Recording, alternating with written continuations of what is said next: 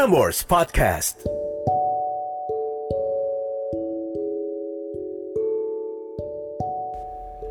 Catatan akhir malam oleh Narendra Pawaka. Jumat 4 Juni 2021. You will realize that college graduation wasn't the end of you. It was the beginning. And suddenly, life won't seem so bad anymore. Malam ini ada Zumira, seorang pekerja di usia quarter life crisis yang sedang menghadapi dua challenges, yaitu pergantian tempat dari kota satu ke yang lain dan pergantian status dari mahasiswi ke pekerja. Sebelum kita buka catatan dari Zumira, ini udah malam kaulah muda. Pernah gak sih ada suatu hari lo itu ngerasa kalau, eh biasanya gue adalah seorang yang sabar loh. Tapi hari ini, for the first time in a long moment, gue merasa gegabah, impatient, banyak pikiran. Well, this podcast is meant to to have you your time of your own. Untuk bisa mendengarkan sambil tiduran, sambil tidur, atau mungkin ada beberapa yang juga sambil ngerjain skripsi dengan permasalahan yang sama sama Zumira, anak rantau juga, dan dari mahasiswa sekarang sudah bekerja. Apa pun masalah kamu ataupun cerita kamu kaulah muda, this is the place to tell your story. Kirim ke narendrapawaka at gmail.com. So once again, silahkan tulis dan kirim ke narendrapawaka at gmail.com. Seperti Zumira juga yang katanya terdorong untuk menceritakan catatannya dia saat mendengarkan podcast ini. So, this is June 2021. Let's open up note dari Zumira. Selamat malam Eda. Malam juga Zumira. Saat ini aku sedang mendengarkan podcast catatan akhir malam dan aku terdorong untuk menceritakan keresahanku. Step right in, Zumira. Semoga saat mendengarkan ini dan setelah menuliskan catatan ini, kau merasa lebih baik ya. Sebut saja aku Zumira, seorang pekerja di usia quarter life crisis. Udah dua tahun aku bekerja di sebuah kantor, tapi rasanya sangat sulit untuk beradaptasi dan belum timbul perasaan nyaman. Aku tinggal sendirian di kota ini. Rumahku terletak di provinsi sebelah. Sebenarnya sejak masa kuliah, aku sudah terbiasa merantau. Bahkan di seberang pulau. Namun berbeda sekali rasanya. Aku sangat nyaman di kota tempatku berkuliah. Terlalu nyaman hingga kota itu menjadi ideal bagiku. Setiap wilayah tentu memiliki perbedaan pola kehidupan dan pola perilaku masyarakat. Perbedaan itulah yang belum bisa aku terima. Dalam pikiranku, aku terus membandingkan suasana tempat bekerja dengan suasana ketika aku kuliah dulu. Semangat mengendur, dan aku menjalani rutinitas seperti taking it for granted. Sampai saat ini, aku juga belum menemukan rekan kerja yang dapat kupercaya. Rasanya sulit sekali menemukan mana hitam dan mana putih di lingkungan kerja. Entah karena aku belum menemukan orang yang tepat, atau aku belum bisa menyesuaikan, atau ada trust issue. Pergantian tempat dari kota yang satu ke kota yang lain, dan pergantian status dari mahasiswa ke seorang pekerja – adalah dua perkara yang saat ini kualami. Perkara itu memiliki pengaruh besar dalam diri aku. Aku merasa sulit beradaptasi dan sendirian di kota ini. Aku masih berusaha meredamkan keresahan, masih menguatkan bahwa tidak apa-apa untuk tidak selalu baik-baik saja. Semoga hati lekas tentram. Terima kasih, Eda. Selamat malam. Dan judul podcast yang satu ini juga datang dari akhir kalimat catatan Zumira.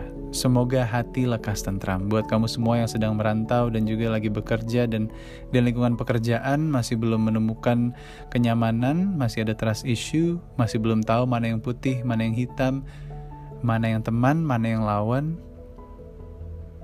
And you are between all of that, Zumira. Thank you for sharing. gue yakin malam ini banyak kaulah muda yang merasakan hal yang sama. Graduation is a thing di tahun 2021 ini dan di akhir 2020 gue yakin banyak yang lulus di masa-masa pandemi. Jadi dari catatannya Zumira, gue tergerak untuk membaca sebuah catatan tentang seven stages of life after college. So here it is. The first stage adalah shock. It's over, it's all over. You graduated and you have to go home. Selesai. Shock. Kaget. Yang kedua adalah denial.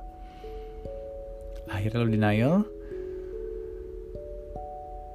Lo menjadi seorang yang berusaha untuk mengisi hari-hari lo dari 9 to 5 kalau belum punya pekerjaan atau buat kamu yang alhamdulillah sudah bekerja setelah lulus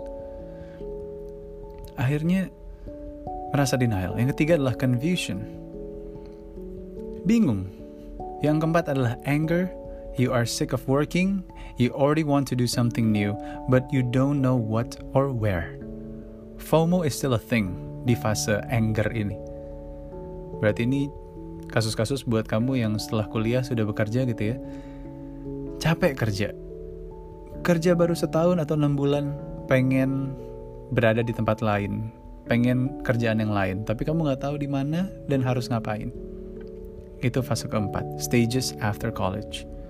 Yang kelima adalah depresi. Depresi?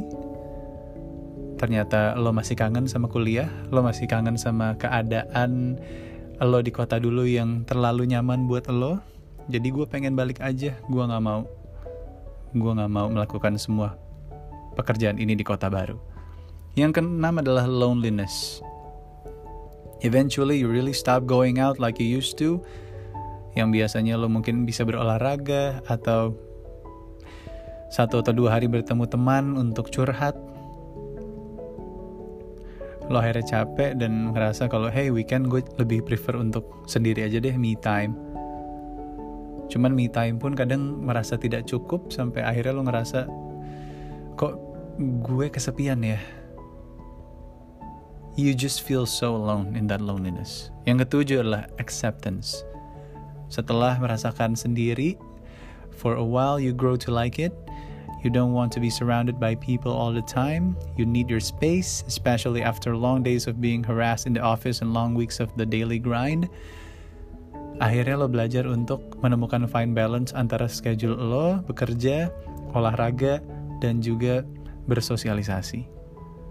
So at the end of the day, Monday mornings may still suck, but they're not the end of the world. You, my friend, have adjusted to life after college at this phase. You don't even get upset when the kids start going back to school. Okay. So um like I said earlier in this podcast, you'll realize that college graduation wasn't the end for you, it was the beginning and suddenly life won't seem so bad anymore. Dan semoga Zumira line terakhir itu benar-benar berlaku kepada lo. Life won't seem so bad anymore. Setelah lo belajar untuk menerima kalau hey gue udah di kota baru gue sudah meninggalkan zona nyaman gue gue udah meninggalkan kota nyama, kota lama gue yang nyaman dan gue sekarang udah bukan mahasiswi lagi saatnya gue bekerja. Walaupun kadang mungkin bukan sesuai passion gue tapi gue yakin di pekerjaan gue gue akan memberikan yang terbaik dengan niat seperti itu outcome-nya semoga menjadi baik. Dan saat lo bisa berguna kepada orang lain dan juga kepada teman-teman pekerjaan lo lo bisa menemukan that silver, silver lining kenapa gue masih meneruskan pekerjaan ini walaupun gue merasa tidak nyaman. Zumira terima kasih buat catatannya berusaha meredamkan keresahan itu adalah kalimat yang bagus sekali. Sulit beradaptasi dan sendirian di kota ini juga sebuah kalimat yang kuat. Dan biasanya saat kita menulis solusinya pun ada di tulisan yang kita buat. Seperti contohnya sulit beradaptasi, berarti apa yang harus dilakukan? Adaptasi. Belum timbul perasaan nyaman, berarti apa yang harus dilakukan? Cari perasaan nyaman itu. Zumira, I hope you're fine and you will continue life doing whatever it is that is good for you. So thank you once again. Buat catatannya yang berjudul Semoga Hati Lekas Tentram. Last bit, buat kaulah muda yang terlahir di hari Jumat 4 Juni. You are exceedingly optimistic. Even in the face of disaster, you are bright, witty, and good natured. Are thorough in your work and do it with ease and enthusiasm. You have many friends and will make a happy marriage and command a strong and devoted love. My name is Narendra Pawaka, and this is Catatan Akhir Malam. May you have a good night, sleep tight, and don't let the bad bugs bite.